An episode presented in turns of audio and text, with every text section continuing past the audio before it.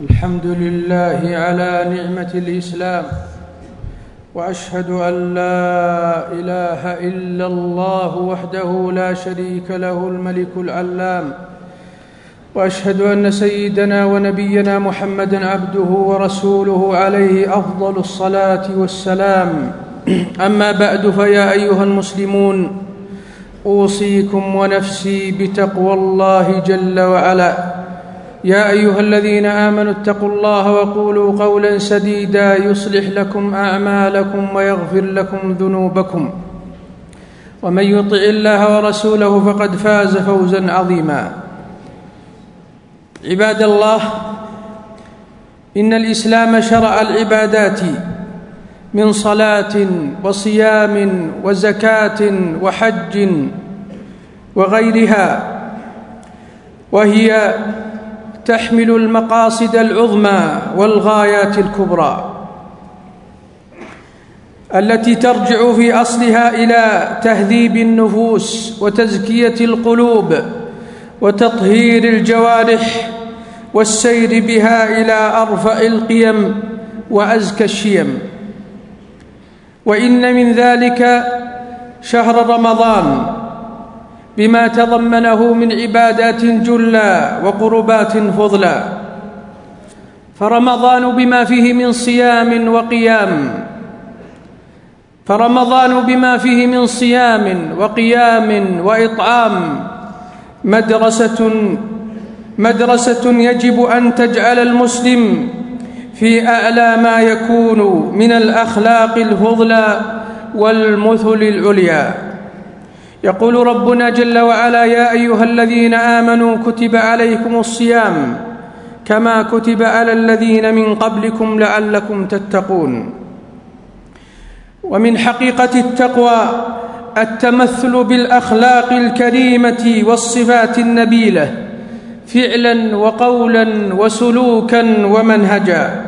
يقول صلى الله عليه وسلم اتق الله حيثما كنت وأتبع السيئة الحسنة تمحها وخالق الناس بخلق حسن. إخوة الإسلام من التوفيق للعبد التحلي كل زمن وحين بكل خلق كريم وفعل قويم وقول جميل. عن أبي هريرة رضي الله عنه عن النبي صلى الله عليه وسلم أنه سئل عن أكثر, عن أكثر ما يدخل الناس الجنة قال تقوى الله وحسن الخلق. وسئل عن أكثر ما يدخل النار فقال الفم والفرج. رواه الترمذي وقال حسن صحيح. فالإسلام يريد من المتعبد أن يتحلى بالأخلاق الحسنة وأن يتصف بالمعاملات الكريمة. قال صلى الله عليه وسلم أكمل المؤمنين إيمانا أحسنهم خلقا وخياركم خياركم لنسائهم. رواه الترمذي وقال حسن صحيح. ويقول صلى الله عليه وسلم إن المؤمن ليدرك بحسن خلقه درجة الصائم القائم. رواه أبو داود بسند صحيح. أكمل العابدين وأفضل الخلق أجمعين.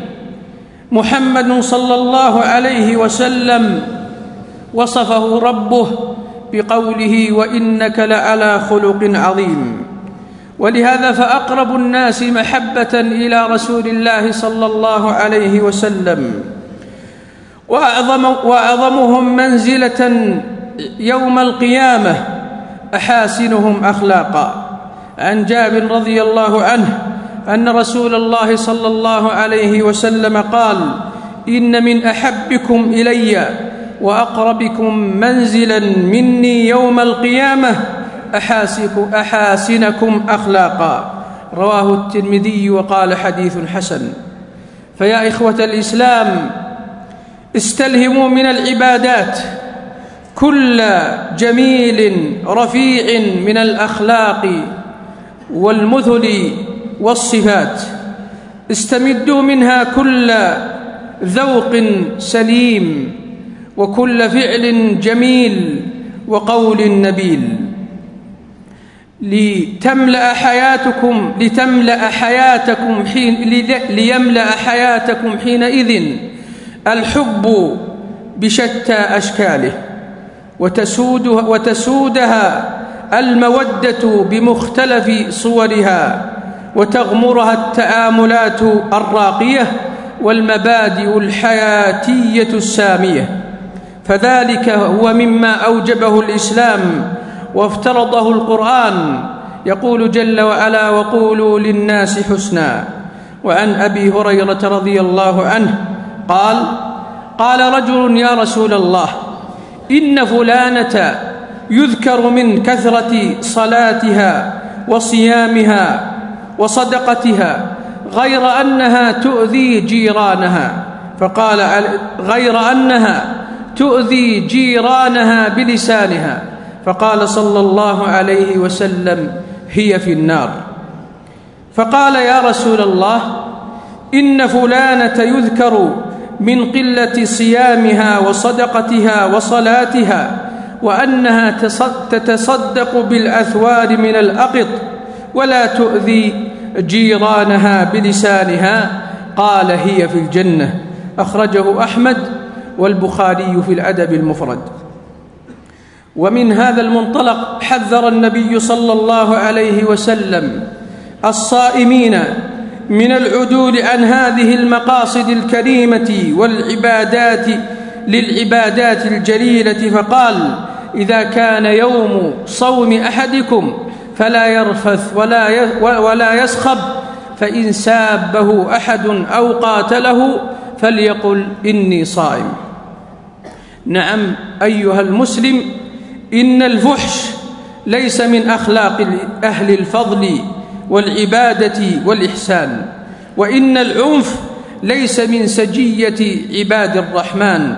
قال صلى الله عليه وسلم من لم يدع قول الزور والعمل به فليس لله حاجة في أن يدع طعامه وشرابه. ولهذا فهم الصحابة رضي الله عنهم تلك المقاصد العظيمة فطبقوها أدركوا تلك الأهداف فأملوا بها. قال جابر إذا صمت فليصم سمعك وبصرك.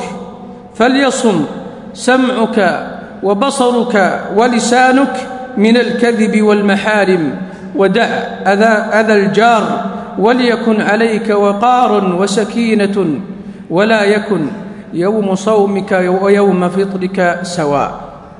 فالسعيد فالسعيد أيها المسلمون من عبد الرحمن والتزم, والتزم بالأخلاق الحسان ففاز بالجنان وسلم من النيران.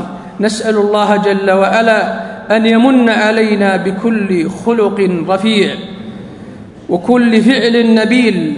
أقول هذا القول وأستغفر الله لي ولكم ولسائر المسلمين من كل ذنب فاستغفروه إنه هو الغفور الرحيم.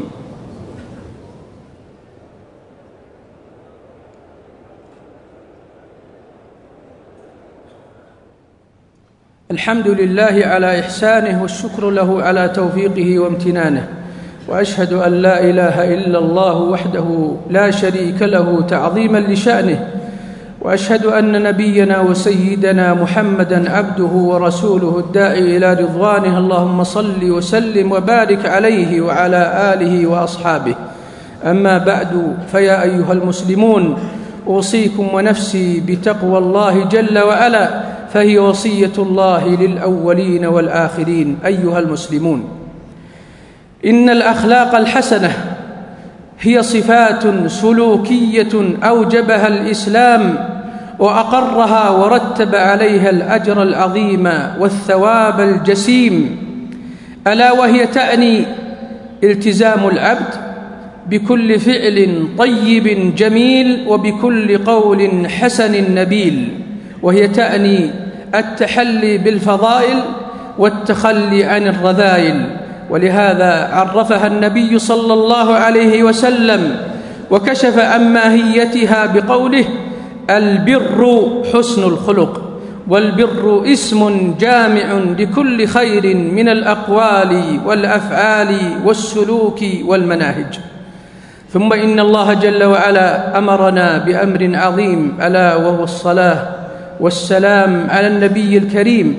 اللهم صل وسلم وبارك على سيدنا وحبيبنا وقرة عيوننا نبينا محمد. اللهم صل وسلم وبارك عليه وعلى آله وأصحابه أجمعين. اللهم أصلح أحوالنا وأحوال المسلمين. اللهم أصلح أحوالنا وأحوال المسلمين. اللهم أصلح أحوالنا وأحوال المسلمين. اللهم من علينا في هذا الشهر بالعتق من النيران. اللهم اغفر لنا ولجميع المسلمين. اللهم تب علينا وعلى جميع المؤمنين. اللهم آتنا في الدنيا حسنة وفي الآخرة حسنة. وقنا عذاب النار. اللهم من على المسلمين بالأمن والأمان. اللهم من على المسلمين بالأمن والأمان. اللهم اجمع كلمتهم ووحد صفهم. اللهم اجمع كلمتهم ووحد صفهم يا حي يا قيوم. اللهم فرج همومهم ونفس كرباتهم. اللهم اشف مرضانا ومرضى المسلمين. اللهم اقض الدين عن المدينين. اللهم احفظ ولي أمرنا ووفقه لكل خير يا حي يا قيوم. عباد الله واذكروا الله ذكرا كثيرا وسبحوه بكرة واصيلا. وآخر دعوانا أن الحمد لله رب العالمين.